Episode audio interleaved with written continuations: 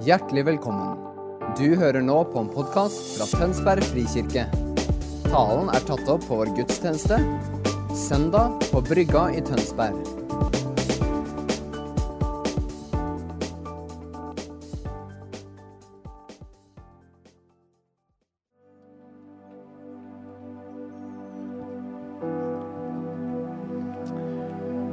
Jeg vet ikke hva du kjenner på, på en sånn litt nervøsitet, eller at du kjenner på en litt kribling, eller at du kjenner på ingenting.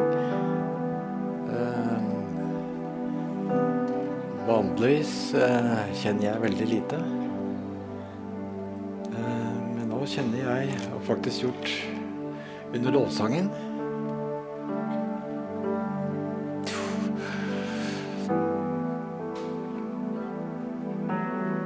Han er her.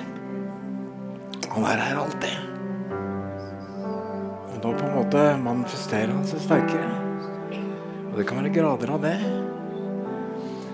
Eh, Og da er ikke greia det om du føler noe eller ikke føler noe, men når andre sier sånn som jeg sier nå Og nå kjenner jeg Guds er her, så er det en invitasjon til deg. At du bevisstgjør deg, at du åpner ditt hjerte. Ikke dine tanker, men ditt hjerte, din ånd. Se, Herre Jesus, tal inn i min ånd, og styrk min ånd.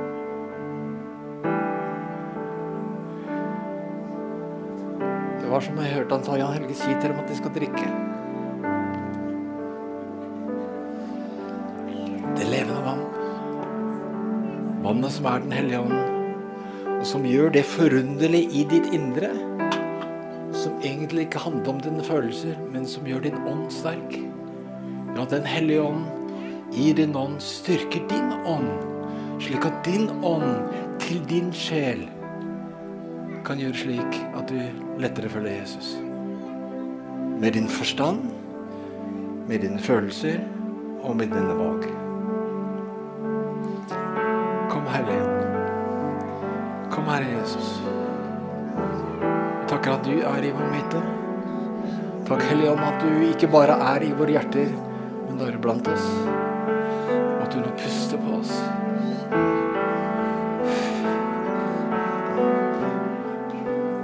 Pust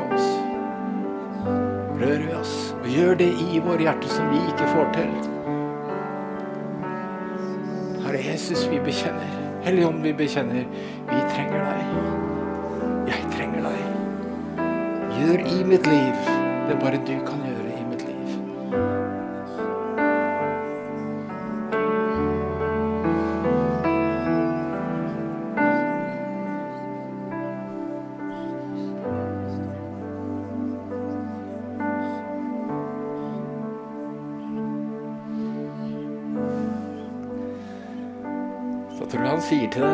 smiler til deg.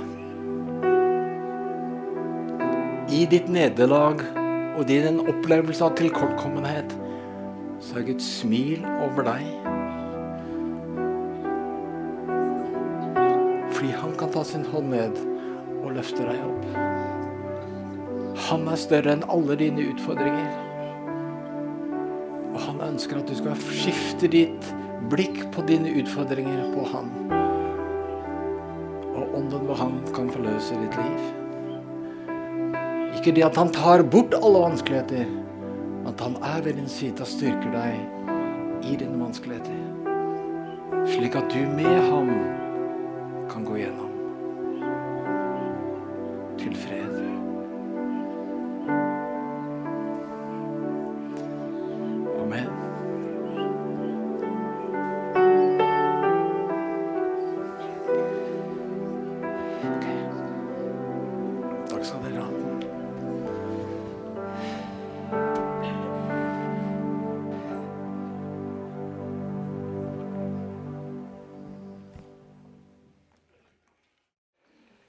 Kjære Jesus, da ber vi at du er her og hjelper oss.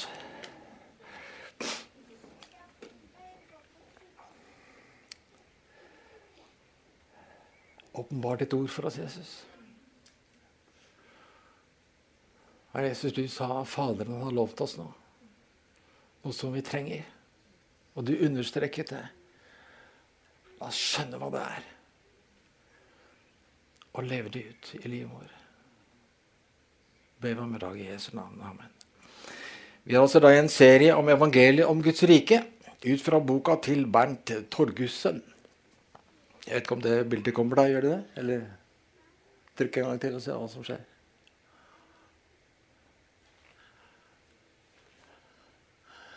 Ok. Spørsmålet da hvorfor Den hellige ånd? Hvorfor er det viktig å forstå dette med Den hellige ånd? Og nå er det vel slik, har jeg funnet ut, at eh, hvis du prøver å gi folk svar på spørsmål de ikke allerede har, så er de ikke interessert i svaret ditt. Og Det betyr at jeg kan stå her og snakke om Den hellige ånd, og det er helt irrelevant for deg hvis ikke du kjenner det behov for det. Og Da skal vi da prøve å si forhåpentligvis noe som kan åpne det opp for deg, slik at du får en nysgjerrighet, en undring, kanskje en lengsel som starter en prosess i ditt liv. Eller om du er langt kommet, at du trenger å få bli minnet på noe og bli fornyet til noe. Og Det jeg har lyst til å gjøre eh, for å gjøre dette litt sånn eh, relevant, da, er før jeg går inn i undervisningen til, i boka, som er jo veldig bra, er å, å si litt mitt liv angående dette. Og da gjøre det litt eh, personlig. Så det blir et slags vitnesbyrd først. Og det som, eh, Min historie er at som 18-åring så tok jeg et valg om å følge Jesus. Og Da var det en studentbevegelse som heter Navigatørene, som er i kongeriket fremdeles. Hjalp meg til det, til å ta imot Jesus og følge han. Og så hjelpe meg til å bli en etterfølger av Jesus, altså en disippel. Og de lærte meg alt fra bønn, bibellesning, til å vitne på Karl Johan. Og jeg var en av de første som vitnet da på Karl Johan, altså de navigatørene. Da er vi tilbake i 68. Før de fleste av dere var født. Så kom jeg i militæret. Og jeg gledet meg til å komme til militæret, for da var det massevis av hedninger som jeg skulle frelse for Jesus. Det var en ung mann med brann i hjertet som kom i militæret. Og til min forferdelse så opplevde jeg at livsstilen med navigatørene ikke fulgte med inn i militæret jeg følte at jeg ikke holdt mål. Og dette skapte en prosess hvor jeg kjente at det måtte være noe mer i evangeliet, og hvordan jeg kunne bli annerledes. Og folkens, det er mange mennesker som har hatt slike valg. At du er i et kristent miljø, og så flytter du på miljøet, og så opplever du Hei, det stemmer ikke helt. Det de levde der, er ikke meg her. Og så kan de snu seg å ta avstand til alt sammen. Det er mange som gjør det. Ved Guds nåde valgte jeg den andre veien. Jeg ropte til Gud. Hvorfor er det slik? Hva har du som du kan gi meg, slik at det blir annerledes? Du kan si at det er et uttrykk vi bruker om A- og B-kristne. Jeg følte meg som en stor B-kristen. Og spørsmålet var Gud, har du mer å gi? Eller har jeg noe mer å motta? Mange mennesker følte på den tiden det samme. Den karismatiske vekkelsen da, som eh, begynte i USA Nå skal dere få litt kirkehistorie. Begynte med en eh, episkopal eh, det er et sånt vanskelig ord å si pastor. altså Det er litt lik den anglikanske kirke i eh, USA som heter Dennis Bennett. Han erfarte da en åndsdåp og ble fornyet. Og skrev da en eh, bok på engelsk 'Nine O'Clock in the Morning', som på norsk heter da 'Ja, Gud har mer å gi'. Og det som var generelt i i fall amerikansk kristendom og jeg tror kloden rundt, var at kirken hadde mistet syn av Den hellige ånd. Det var mye strev og mas.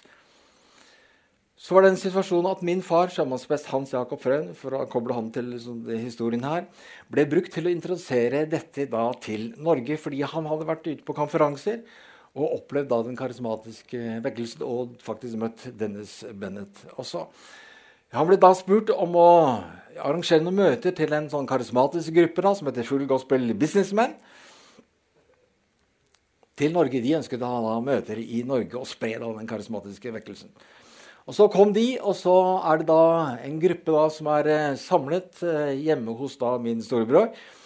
Og vi hører da budskapet om Den hellige ånd, Faderens løfte og alt det Gud har å gi ved Den hellige ånd. Dette var helt nytt for meg. Men jeg husker at hjertet banket.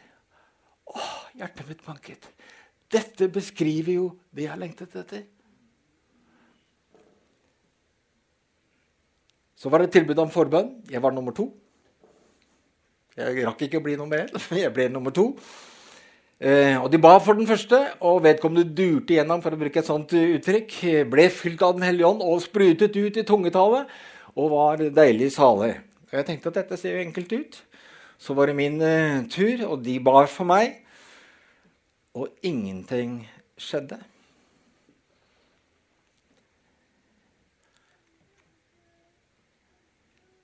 Gikk videre og ba for andre.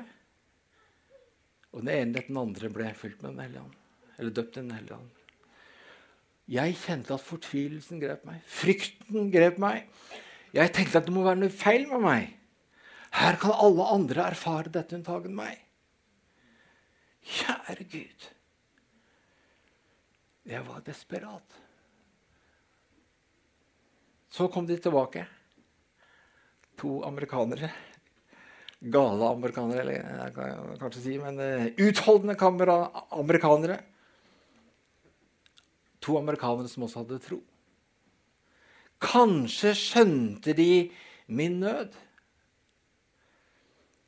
Kanskje hørte de Gud si, 'Be han gjennom hans fordommer'. Hører du hva jeg sier? En ung mann erfarte ikke som de andre det Gud villig strødde ut. Hvorfor gjorde han ikke det? Fordommer hindret Guds velsignelse å nå ham. Og så var det to da som ba bønner, og så løftet de meg over. Inn i det Gud hadde i. De ba, de ba, som jeg pleier å si, lenger enn det jeg noensinne gidder å be for eh, noen av dere. for å si det bare med en gang. Men de lærte meg enormt mye. For du får, når du ikke får svar med en gang på det du ber om, så betyr ikke det at Gud ikke vil gi deg det. Som vi ofte tror. Det er ting som står i veien, som trengs hjelp til å rydde bort. Jeg hadde altså fordommer, en liten tillit til Gud og det han ønsket å gi. Og ved deres bønn og deres utholdenhet så løfter de meg over inn i det Gud hadde for meg. Ånden kom og fulgte meg med sin kjærlighet. Og jeg kan si det, er et nytt kristenliv begynte. Det har gått opp, og det har gått ned, men det ble annerledes. Det er 50 år siden. Denne måneden. Det er jubileum.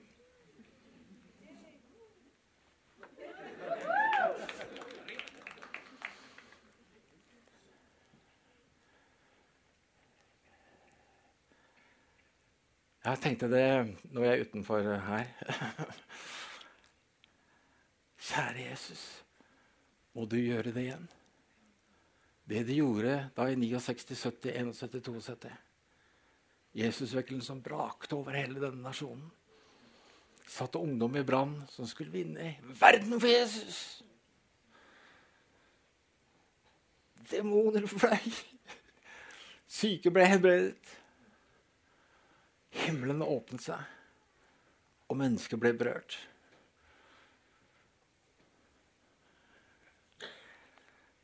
Er det bare jeg som er begeistret? Jeg smakte det 50 år siden.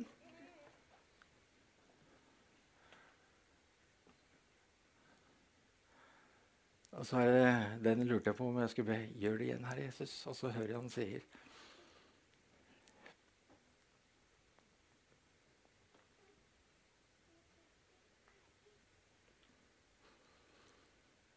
Jeg gjør det igjen. Jeg har allerede begynt å gjøre det igjen. Og det som kommer, blir større.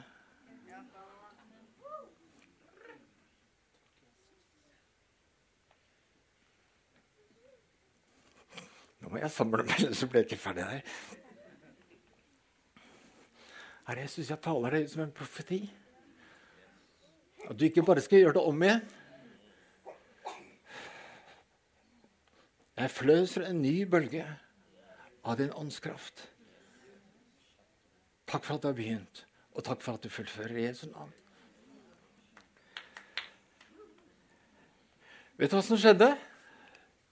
De fleste som erfarte dette, trodde at dette var jo kjempegode nyheter. Dette ville jo alle ha del i. Og slik var det ikke. Det ble en dundrende motstand.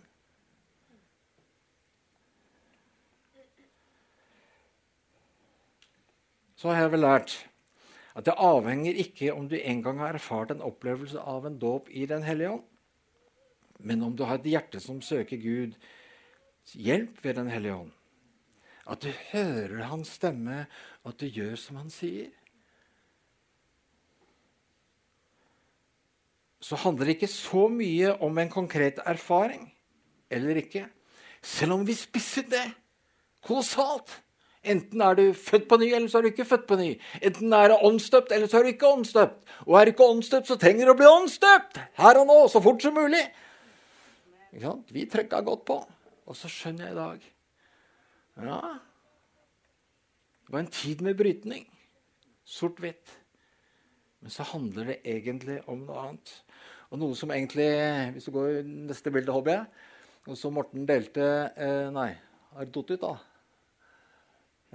Eh, Morten delte her for eh, to søndager siden en sånn sirkel. Husker du det? Da hvor vi tegnet, eh, og det var om frelse, eh, liv med Gud. Og Da så korset i, i, midten. Og så har vi en sirkel utenfor. Så tenker vi ofte som innafor eller utenfor. Frelst innafor, ikke frelst utenfor. Og i vår tenking så ønsker vi heller å tenke det avhengig er hva det er på vei mot. Kristus. For du kan være på en måte innenfor og snudd og er vei ut, og da faller du fra. Og det er mer alvorlig. Da er det ikke viktig om du er innenfor eller utenfor, men at det er feil retning. Det avgjørende er retningen, og slik er det med Den hellige ånd også. Det avgjørende er ikke om du har en opplevelse en gang, men at du hver en dag lever i presenspartisippet og har en retning mot ham. Høre han og gjøre som han sier. Jeg tror akkurat det er det viktigste jeg sier i dag. Det hjelper lite å ha en såkalt dåp i Den hellige ånd hvis du går en annen vei i morgen. Så går vi over til boka. Løftet om Den hellige ånd. Lukas 24, 49, som vi har eh, sett på. Og se, jeg sender over dere det som far har lovt. Dere skal bli i byen til å bli ikredd kraft fra det høye. Og Jesus understreker at disiplene trengte kraft. De trengte en hjelp fra himmelen ved Den hellige ånd. Og vet du hva? Det gjør vi like mye. Jeg tenkte at De kunne jo flyte litt på å ha vært sammen med Jesus i tre år. Jobbet sammen med han, helbredet folk sammen med han, og gjort alt sammen med Jesus. De kunne jo flyte litt på det. Men han sa at dere trenger Den hellige ånd. Gaven og løftet fra himmelen. Det finnes flere løfter i Gamle Testamentet som eh, uttrykker dette med Faderens løfte om Den hellige ånd. Joel 3, f.eks. Og deretter skal det skje at jeg vil utgyte min ånd over alt kjød. Og dette var hårreisende å profetere om i Gamle testamentet. For da var det bare over profeter, konger og prester. Deres sønner og døtter skal tale profetiske ord. Ja, Deres gamle menn skal ha drømmer, og deres unge menn skal se syner. Og så kommer det, og det er dette her som å banne i synagogen. Ja, også over treller og trellkvinner vil jeg ut i min ånd i de dager. Altså de helt nederst. Kort sagt alle får tilbudet om gaven fra.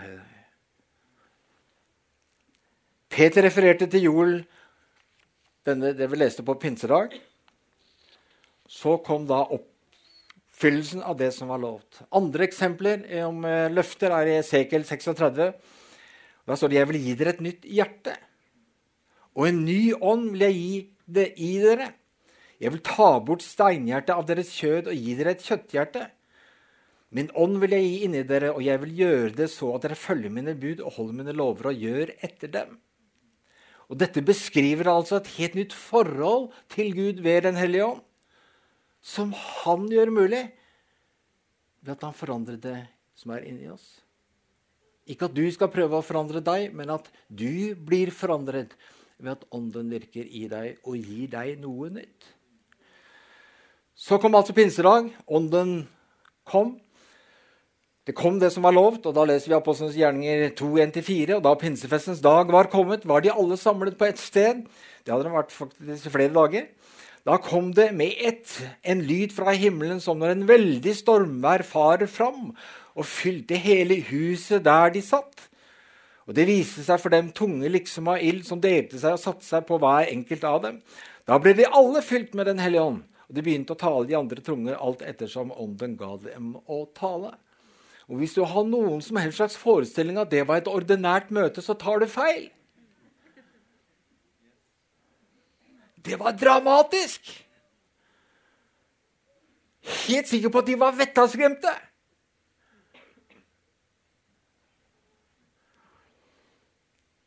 Men en ny epoke begynte. Jesu Kristi menighet var startet ved Åndens komme. Det betyr at Åndens komme hører til menigheten. En menighet uten Åndens komme er ikke en sann Jesu Kristi menighet, som ble startet pinsefestens dag.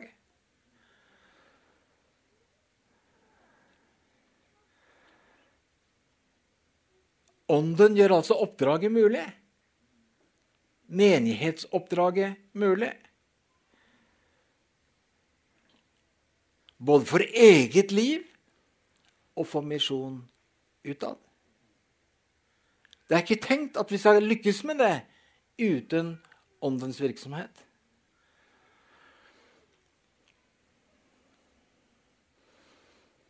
Virksomheten skal være ved åndens kraft og ledelse, og ikke ved egen kraft og dyktighet, som vi helt naturlig liker best. Derfor trenger vi å utfordres. Gud er sannelig iblant dere, ble erfaringen.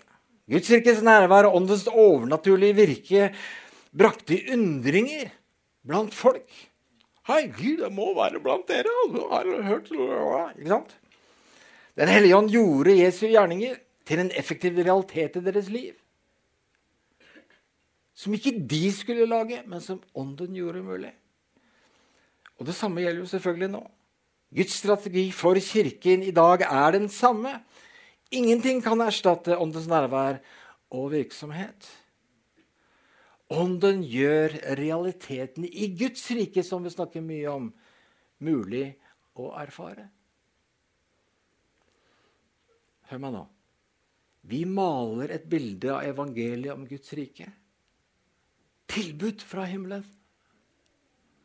Som gjelder hvordan du kan leve annerledes, og hvordan du kan gi ting til andre mennesker som er annerledes. Og det bildet er slik at du føler at det er for høyt og for vanskelig for meg. Det er disse A-menneskene mens jeg er her nede B. Det er den menneskelige, naturlige måten å tenke på. Det er helt riktig. Jeg vil ikke si A, det må være en XXY eller et eller annet sånt. Beskrivelsen av hvordan du lever i Guds rike, er en umulighet. Og den skal oppleves som en umulighet. For det skal bare være mulig ved Den hellige ånd. Så når du føler at du er tilkortkommen, så skal det drive deg til Kristus. Gud, hjelp meg! Og så kan han løfte deg inn i det umulige. Kristendom er overnaturlig i sitt vesen. Fordi ånden er gitt til å gjøre det slik. Jeg ble litt varm i trøya der. Jeg prøver å finne ut hvor jeg var hen.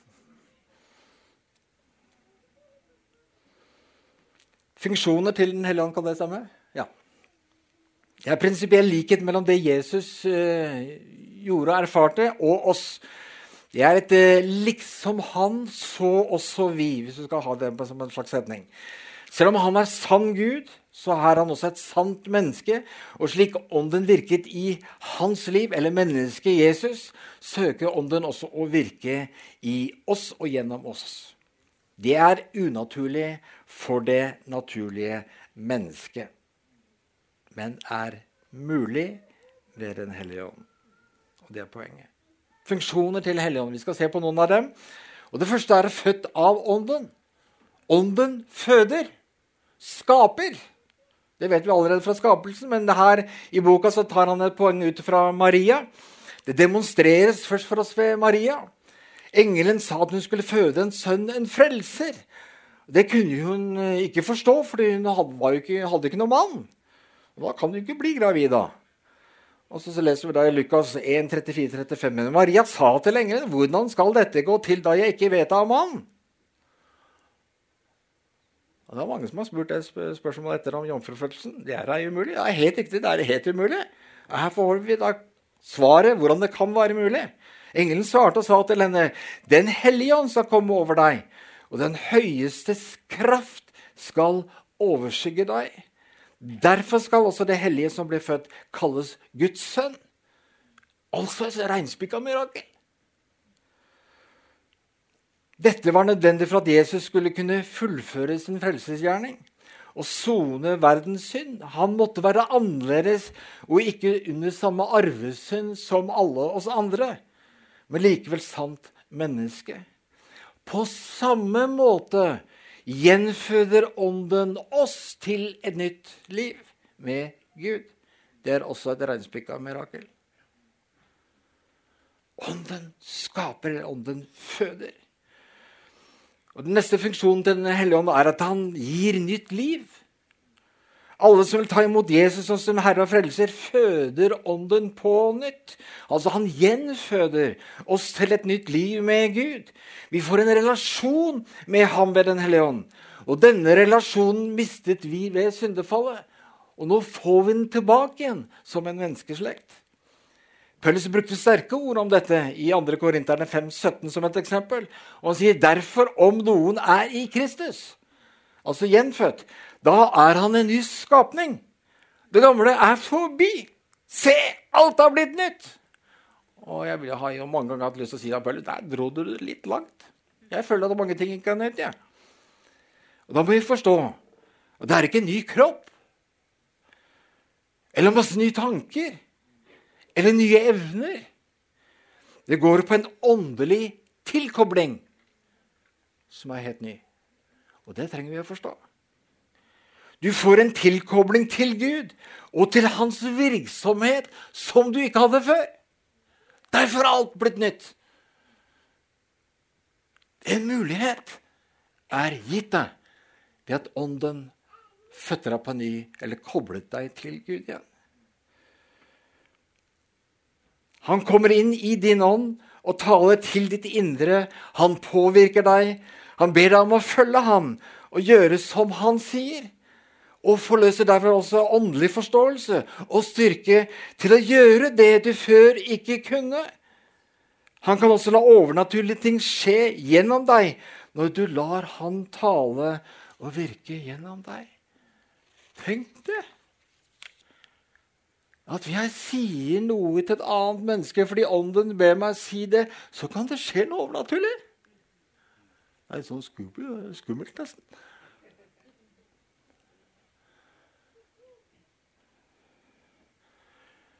I samtalen med Nikodemus sa Jesus at å bli født av Ånden er nødvendig for å kunne forstå og virke i Guds rike. Johannes 3, 3. Ånden fører oss inn i Kristus, gir oss det vi trenger for å følge Jesus. Andre, tredje funksjon fylt av Ånden. Jesus var født eller unnfanget av Ånden 30 år senere, da Jesus skulle begynne sin tjeneste i Jordanelven da Johannes døpte han, kom Den hellige ånd ned over han, og en røst fra himmelen bekreftet hans identitet. og Det hørte vi om på forrige søndagen. I Lukas 3, 22 leser vi at Jesus var blitt døpt og bad. Da åpnet himmelen seg, står det. Og Den hellige ånd kom ned over ham i en legemlig skikkelse som en due. Altså ikke en due, men som en due. Og det lød en røst fra himmelen. Du er min sønn, den elskede. I deg har jeg velbehag.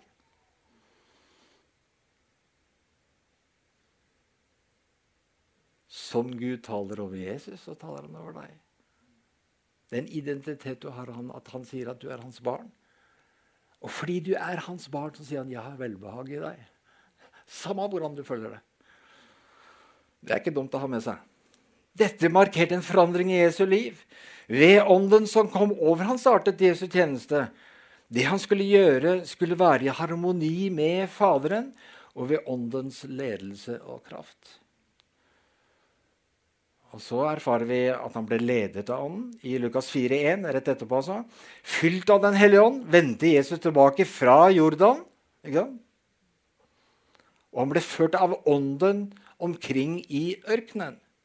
Og det første Ånden leder han til, var å bli prøvet. Tenk det! Djevelen prøvde å få Jesus til å tvile på sin identitet. Hvem han alene skulle tilbe og hvis ord han skulle lyde. Og gjett hva han kom til å utfordre deg med når du prøver å være fylt av Den hellige ånd. Han kommer til å få deg til å tvile på identitet, hvem du tilber. Om tegn og under begynner å skje rundt deg, at du ikke begynner å tilbe tegn og under, men at du tilber Kristus. Alltid. At du hører hva han sier, at du gjør hva han sier. Det samme altså gjør han overfor oss. Djevelen vil prøve å hindre at vi tror at vi er Guds barn. Det sa jeg. I åndens kraft, Lukas 4, 14, så står det at i åndens kraft fra å være fylt av ånden, så er det nå åndens kraft som beskrives. Vendte Jesus tilbake til Galilea, og ryktet om han kom ut over hele landet der omkring. Jesus begynte nå sin offentlige tjeneste. I synagogen siterte han den profetiske erklæringen om Messias fra Jesajas. Og det kan vi lese da i Lukas 4, hvor det står Herrens ånd er over meg, for han har salvet meg til å forkynne evangeliet for fattige. Han var salvet av ånden til å forkynne evangeliet om Guds rike. Det er ikke altså bare tankebygninger. Du trenger en åndskraft åndsberøring for å forkynne Guds rike. Han har sendt meg for å forkynne for fanger at de skal få frihet, og for blinde at de skal få syn, for å sette undertrykte fri, for å kynne et nådens år fra Herren. Dette er Guds vilje i himmelen, som han ønsker skal skje på jorden, og som vi ber i Fader vår, og som vi skal formidle. Videre i Lukas 4 står det om undrene Jesus så gjorde etter dette her i synagogen. Og Jesus knyttet underne opp mot Guds rike. I vers 43 i Lukas 4 fremdeles. Men han sa til dem, også i de andre byene må jeg forkynne evangeliet om Guds rike, for til det er jeg unnsendt. Og det betyr at de tegn og under han gjorde før vers 43, handler om evangeliet om Guds rike. Ikke bare det som vi gjør det til evangeliet om frelse. Guds rike er den sfære der Guds vilje skjer, hvor Jesus er rikets herre og utøver sin makt. Dette skjer ved Ånden som kom over Jesus, og som kommer over oss. Uten åndens virksomhet blir ordene om Guds rike bare ord og meninger. Nyttig til lite. Det er åndens virksomhet som lar Guds vilje i himmelen for oss skje her på jorden i oss og gjennom oss.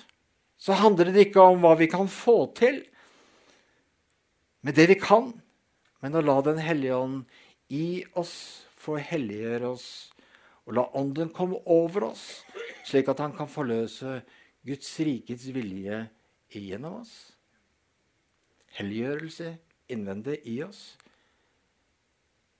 Guds rike til andre mennesker gjennom oss. Jesus forkynte altså tydelig om evangeliet om Guds rike. Jeg skal ta et vers om det. I Markus 1, 14-15. Men etter at Johannes var satt i fengsel, kom Jesus til Galilea og forkynte Guds evangelium. Han sa, 'Tiden er fullkommet, og Guds rike er kommet nær'. Legg merke til at det står 'Guds evangelium'. Guds evangelium, det glade budskapet fra Gud Fader, er evangeliet om Guds rike. Og det er det denne boka handler om.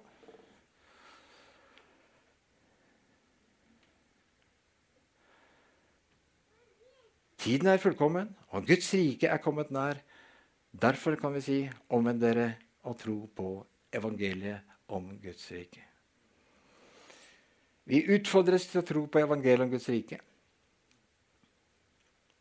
For det er kommet nær oss. På engelsk så står det 'at hand'.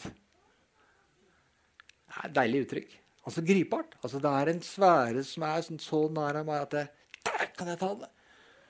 Eller jeg kan erfare det. Den hellige ånd som salvet Jesus, var over Jesus og så på disiplene, så på de 70, så på de 120, og så kristenheten i hele urmenigheten i flere hundre år. Før de rota det til. Den første menighet var preget av Guds kraft, Guds rikets kraft, ved ånden som brøt gjennom og satte mennesker fri på alle plan. Fordi Gud var med dem med Den hellige ånd. Himmelen var åpnet over dem. Og de gjorde det ikke i egen kraft, men ved det løftets kraft som var lovet fra Faderen. Vil du være med på å la Guds rike virke ved å åpne deg for hva Ånden kan gjøre? Det står mange fine sånne spørsmål til ettertanke i boka, så det tenkte jeg det skulle jeg ikke ha her. Da får du gå og løpe og kjøpe boka hvis du ikke har gjort det. På Abraham tror de har flere igjen. Men for nå Hvis du kan se for deg en sirkel innenfor, utenfor Jesus, korset i midten, Kristus. Åndens oppgave er å herliggjøre Jesus for oss. Løfte Jesus opp i våre liv og gjøre mulig alt hva Faderen har for oss i himmelen, her på jorden. Er det på vei mot sentrum? Eller er det på vei en hvilken som helst annen vei? Jeg spør deg ikke om du har erfart en åndsdåp eller ikke. Jeg anbefaler det. Men det jeg anbefaler mest, er at du har retningen. Vi kaller oss selv her i Tønsberg frikirke en karismatisk menighet. Og med det mener vi ikke om du er erfart ditten eller datten. Det handler om vi har en retning mot Jesus ved Den hellige ånds hjelp.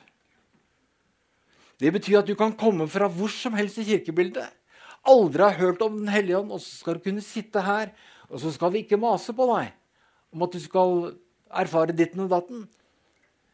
Men det Guds nærvær ønsker her ut fra Guds rike, skal kalle deg og utfordre deg mot senteret, som er Kristus og Faderens løfte forløser i ditt liv.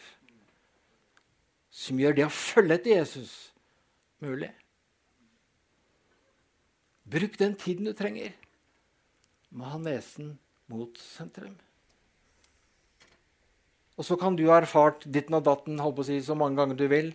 Så er likevel spørsmålet i dag hvilken vei er nesen din i dag? Paulus taler om et presenspartisipp.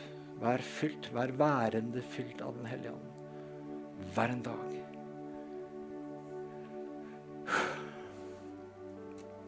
«50 år siden så grep han mitt hjerte.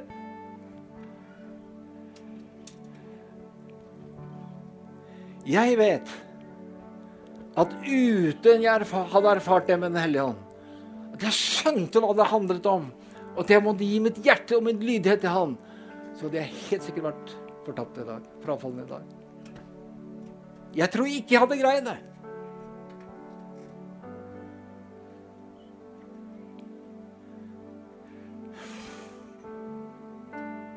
Jeg takker deg, Jesus.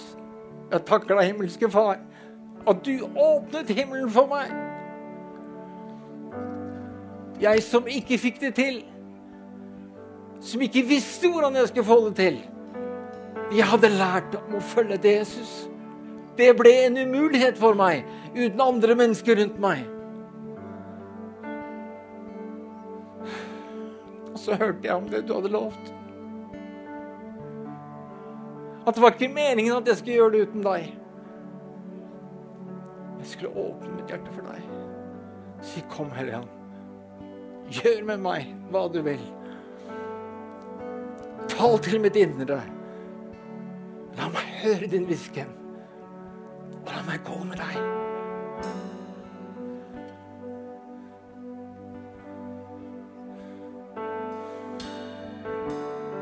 Halleluja, halleluja, halleluja, halleluja. halleluja. Takk, Herre Jesus, for 50 år. Vi har hatt ditt åndspust. At på gang på gang har du kommet og pustet på meg og løftet meg over. Løftet meg over. Alle de gangene jeg har kjent at det har vært for stort, for vanskelig, så har du løftet meg over.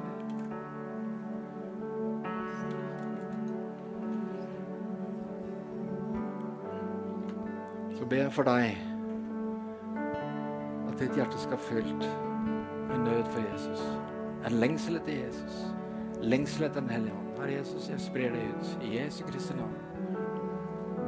Når du hører Herrens åndens kalle på deg, at han ønsker å dra ditt hjerte, mykne ditt hjerte, dra ditt hjerte, så gir ditt hjerte til han. I Jesu navn.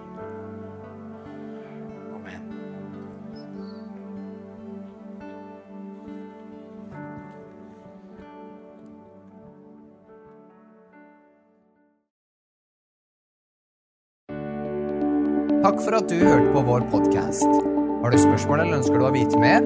Søk oss på vår nettside tonsbergfrikirke.no. Du er også velkommen til kirke på Brygga i Tønsberg.